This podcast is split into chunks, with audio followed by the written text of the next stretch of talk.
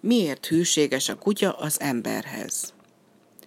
Az idők kezdetén az állatok nagy egyetértésben, békességben éltek. Kutya, farkas, róka, medve, mind jól megfértek egymással, együtt sétálgattak az erdőben.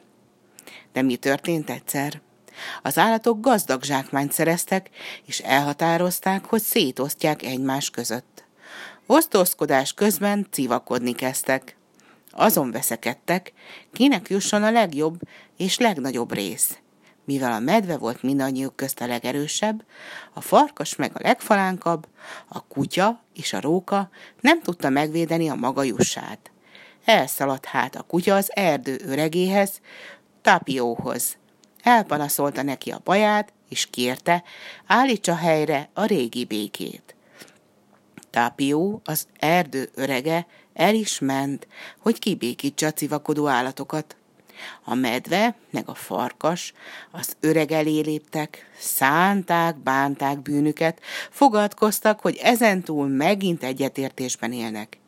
Így aztán a régi béke helyreállt, Stápió az öreg hazatérhetett.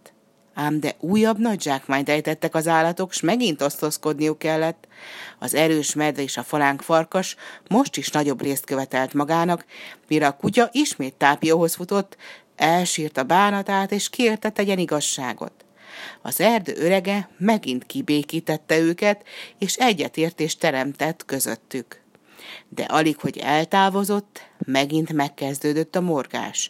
Sőt, az erősebbek most még jobban zúgtak, még nagyobb részt követeltek maguknak. A kutya ismét elrohant az erdő urához, panaszt tett, és kérve kérte, teremtsen rendet.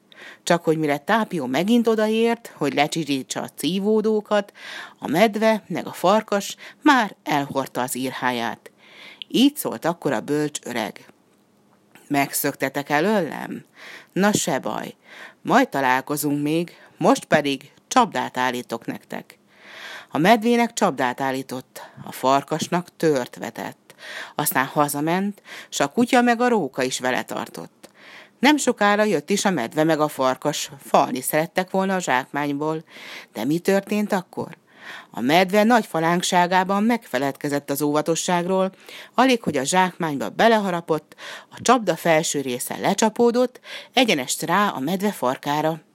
A medve rettentően felüvöltött, a farkas rögtön odarohant segíteni barátjának, ám de a nagy segítségben belefutott a törbe. Most hát versenyt üvöltöttek, sóhajtoztak, mindenáron ki akartak szabadulni szorult helyzetükből. A medvének végül is sikerült kiszabadulnia, csak a bundájának egy darabja maradt a csapdában. A farkas csak üvöltött, és hívta barátját, hogy segítsen. Végül is elszakadt a tőr kötele, és a farkas földre jött fájdalmában. Nagy, keservesen mégis feltápászkodott, és ahogy maradék erejéből tellett, elhordta az írháját. Így bomlott fel mindörökre a kutya, a róka, a medve, meg a farkas szövetsége. Azóta a kutya nem sétálgat együtt ezekkel a fenevadakkal, inkább az emberhez csatlakozott. Ki is tart gazdája mellett, jóban, rosszban, egyaránt.